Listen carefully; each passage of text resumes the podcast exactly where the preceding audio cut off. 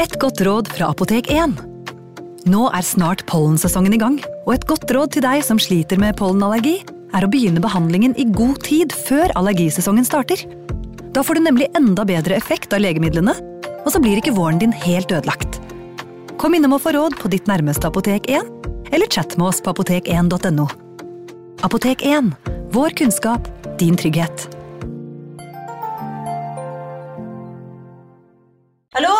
Jeg kommer fra Oslo politikammer. Ine Jansen er purk. Er du purk? The motherfucking bitch. Alt jeg vil, er å finne ut hva som skjedde med mannen min. Jon Carew. Er jeg sikta for noe? Iben Akeli. Det er du. Ole So, Lars Berrum og Big Daddy Karsten. Hvem sin side er du på, egentlig? Anette Hoff, Tone Danielsen, Kommer du fra Afrika? Jørnis Josef, Nesten kløfta. Trond Espen Seim, Det er synd å si det, men det var feil mann som døde. Purk. Premiere tirsdag på TV2 Play. Hei! Takk for at du lytter til True Crime Podden dokumentar. Skulle du ønske at du kunne høre en ny episode av denne podkasten hver eneste uke? Vel, da er det bare å laste ned podkastappen Untold med en gang. I tillegg til ukentlige episoder av podkaster som Skrekkpodden, Synderne og True Crime Podden, får du masse annet reklamefritt og eksklusivt innhold. Last ned Untold i AppStore eller Google Play, og start din 30 dagers prøveperiode i dag. Et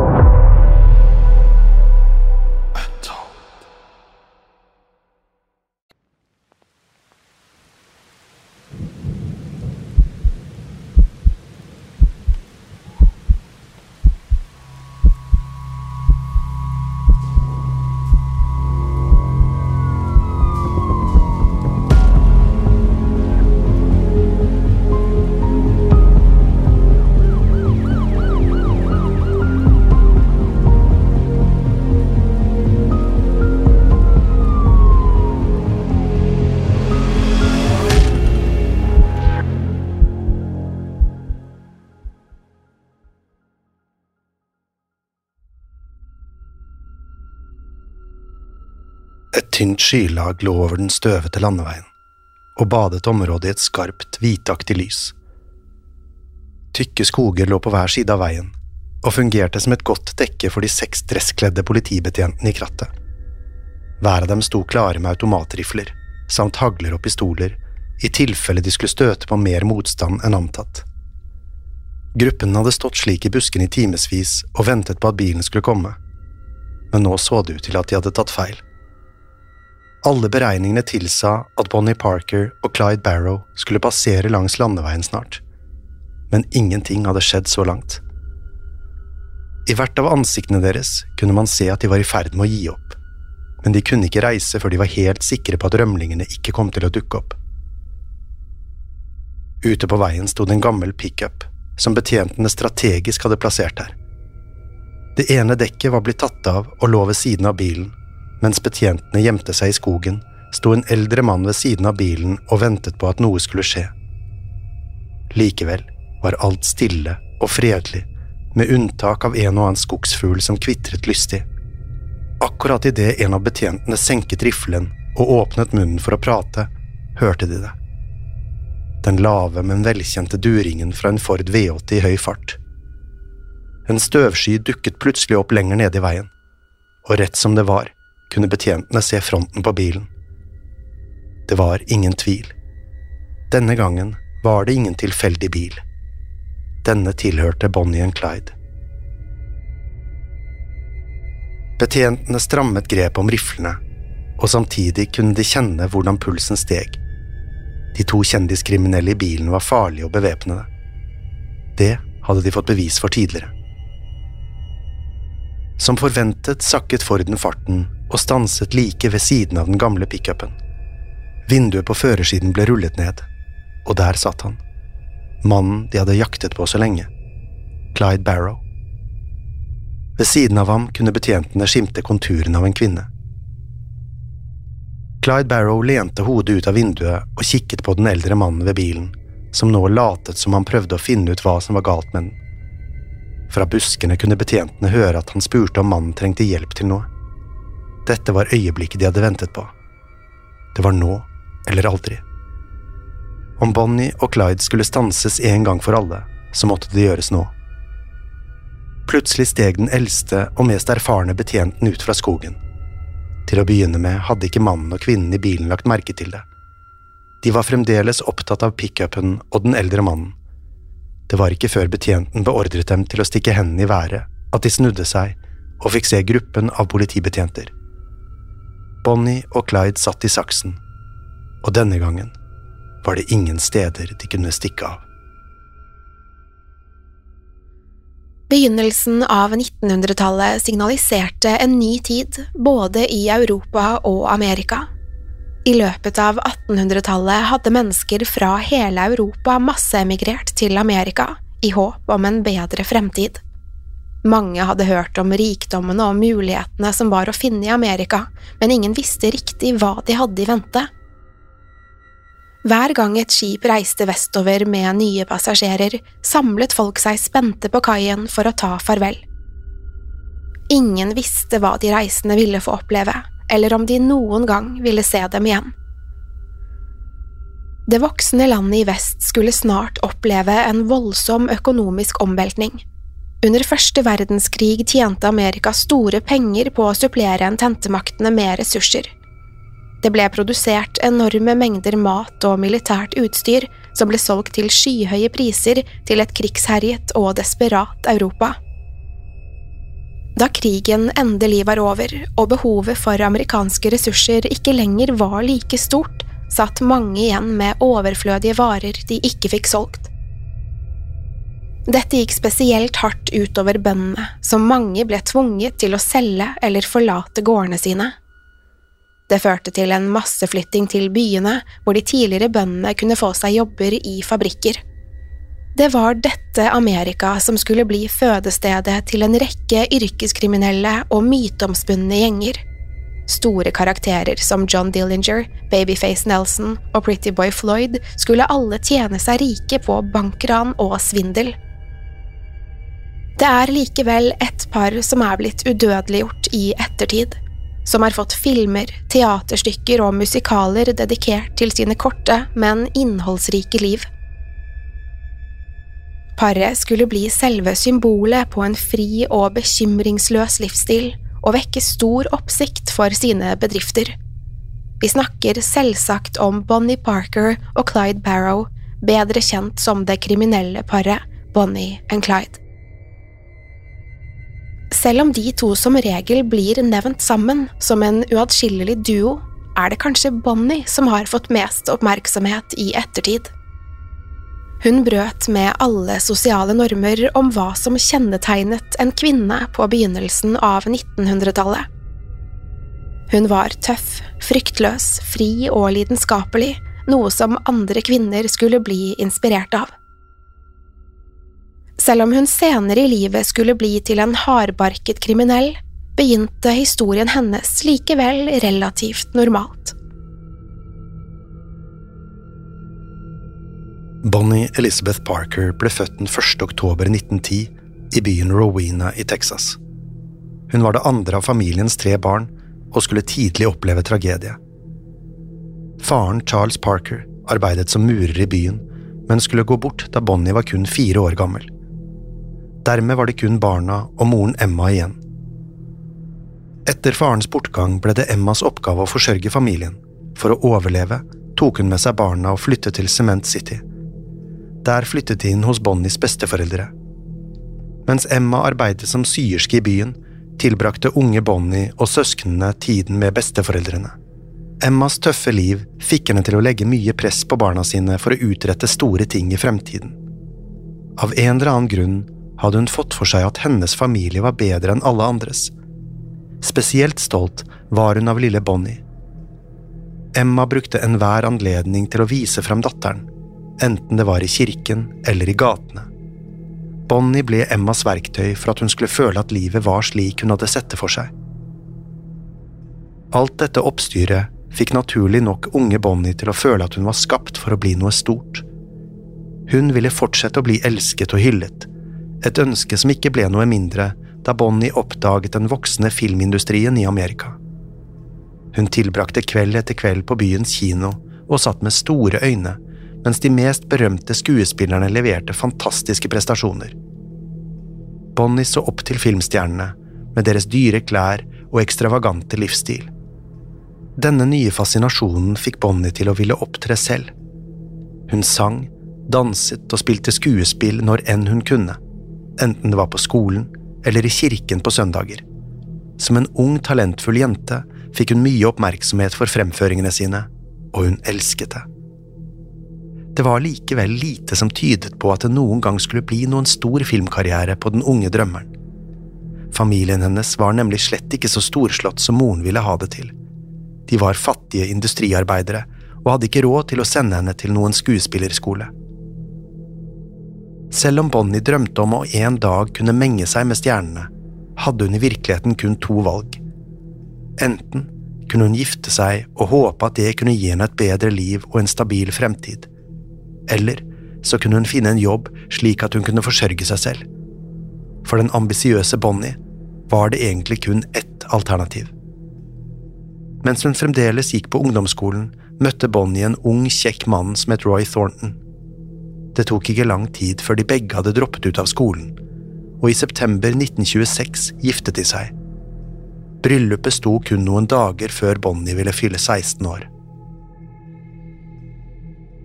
Bonnie viste seg snart å ikke være helt som andre kvinner på den tiden. Hun var ekstremt lidenskapelig overfor Roy, og skal til og med ha fått navnet hans tatovert på innsiden av låret. At noen tok tatoveringer på den tiden var svært uvanlig, med mindre man var sjømann. At en kvinne gjorde det, var mildt sagt uhørt. Til tross for Bonnies dedikasjon til Roy skulle ikke ekteskapet deres vare lenge. Roy var nemlig like opptatt av andre kvinner som han var av Bonnie. Dessuten skal han også til stadighet ha havnet i trøbbel med politiet. Innen et år var gått, hadde Bonnie bestemt seg for å gå fra ham. Selv om de aldri offisielt skilte seg fra hverandre, skulle de ikke ha stort med hverandre å gjøre etter det. Likevel ble det sagt at Bonnie fortsatte å bruke gifteringen sin helt frem til sin død. Bonnie var nok en gang blitt alene, uten noen store muligheter, men full av ambisjoner. Hun flyttet tilbake til moren sin en periode, og fikk seg jobb i en kafé i Dallas som servitør. Her jobbet hun daglig for minstelønn, og følte hun ikke kom noen vei. Alle de drømmene hun en gang hadde vært så besatt av, svinnet hen for hver dag som gikk.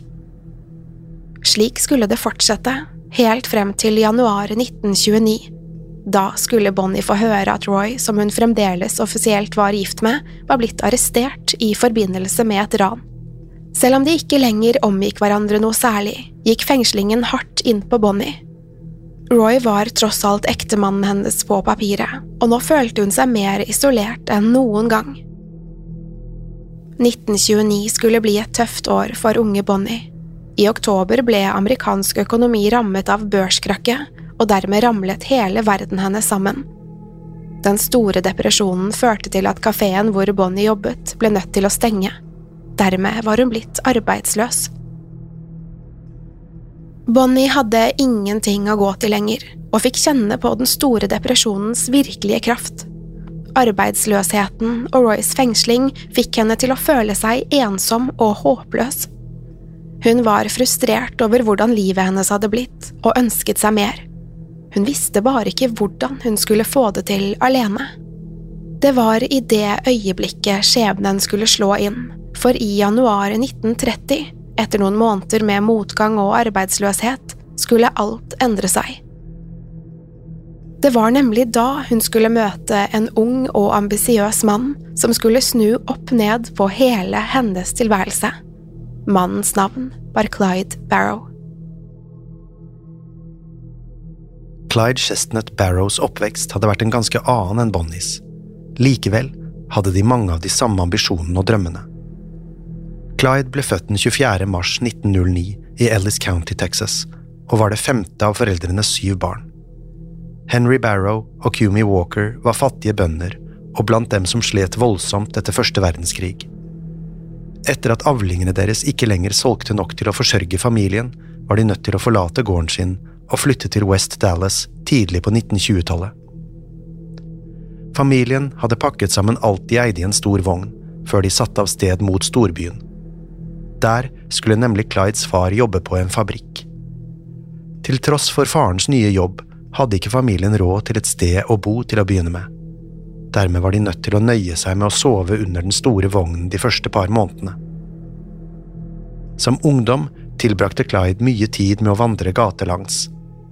Han gikk og gikk, og kikket på alle de forskjellige livene, både i slummen i West Dallas, men også i de øvrige bydelene. Det var slik han kom over de finere strøkene i Dallas, hvor han fikk se hvordan eliten levde. Han så de flotte bilene og de dyre klærne, og drømte om en dag å kunne leve som dem. Alt han ville, var å unnslippe den knusende fattigdommen familien hans levde i.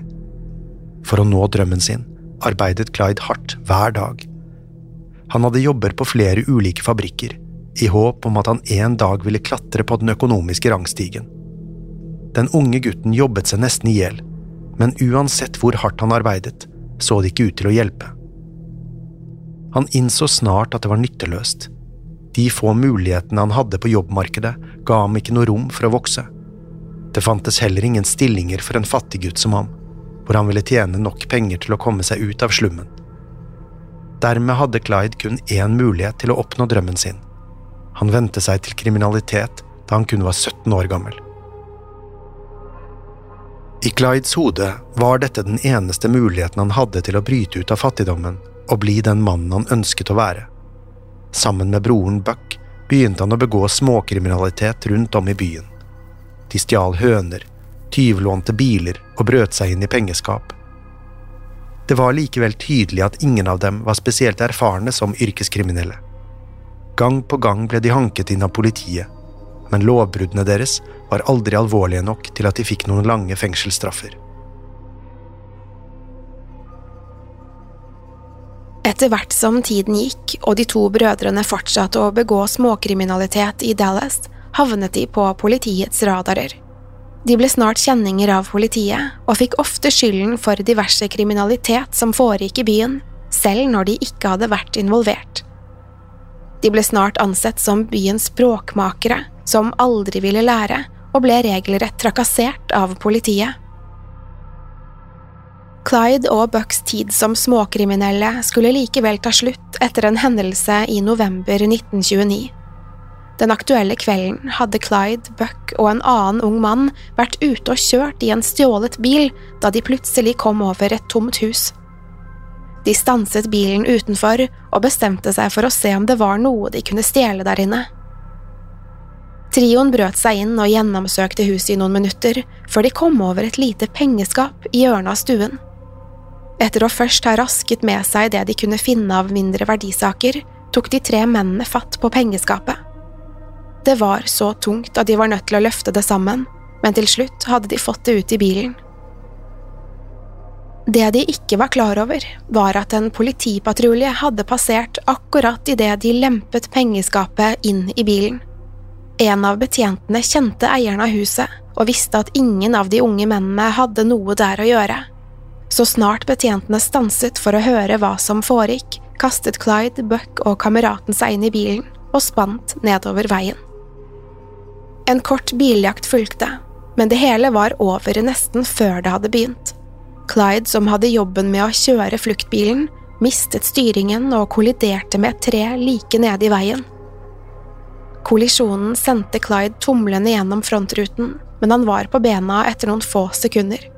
Så snart han hadde samlet seg, løp han alt han kunne gjennom skogen, uten å vite hvordan det hadde gått med Buck og kameraten.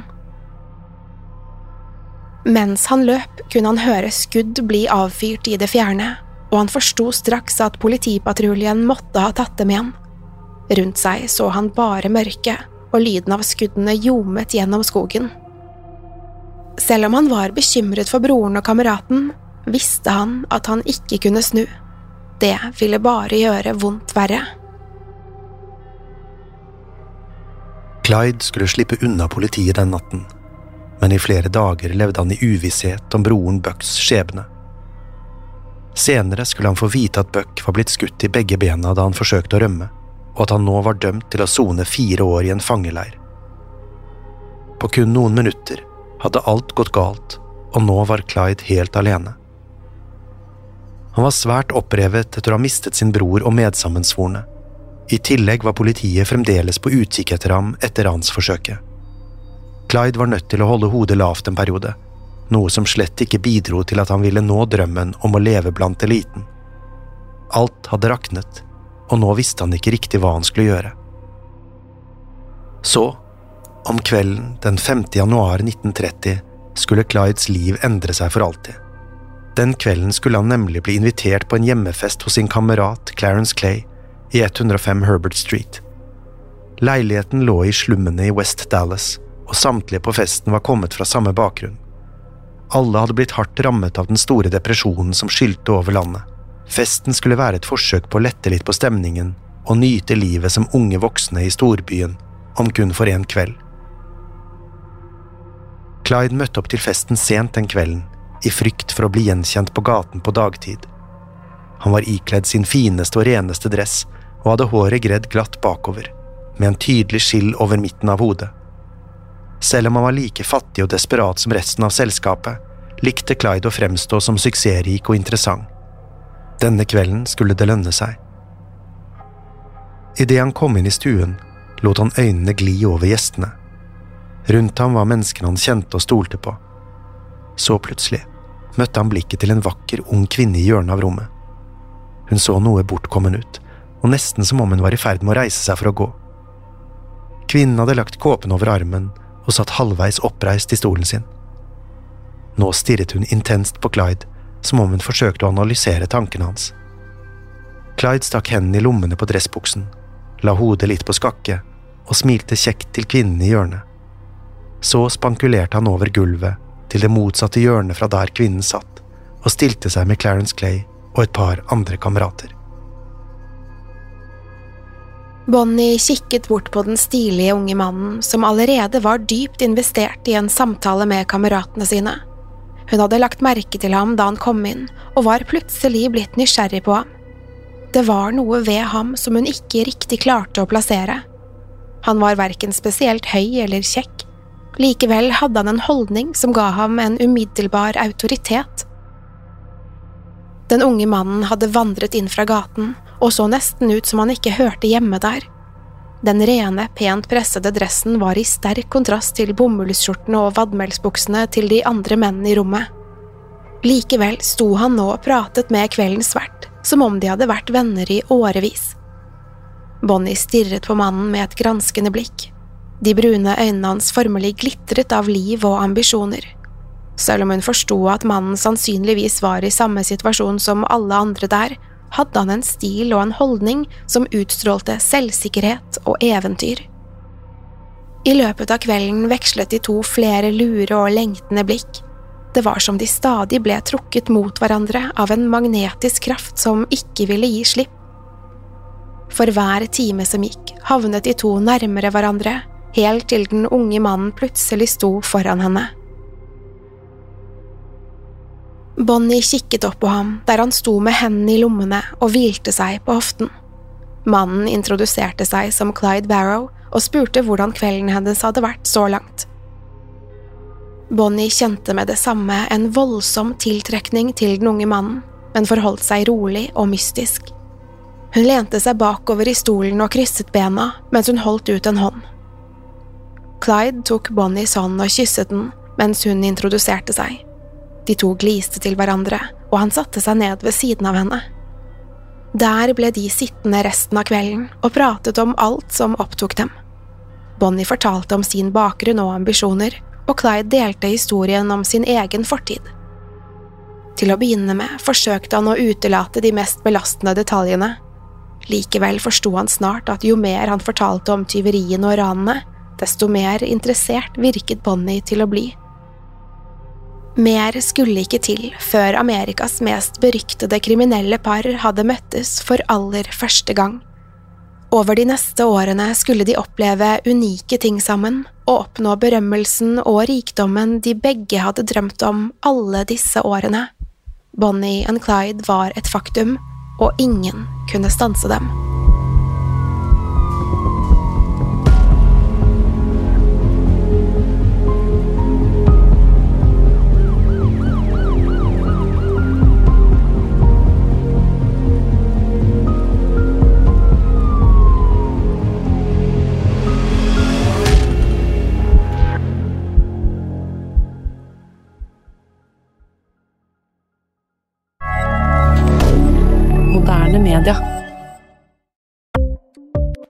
Ukens annonsør er Folio, en smartere banktjeneste for deg som har en egen bedrift eller ønsker å starte for deg selv.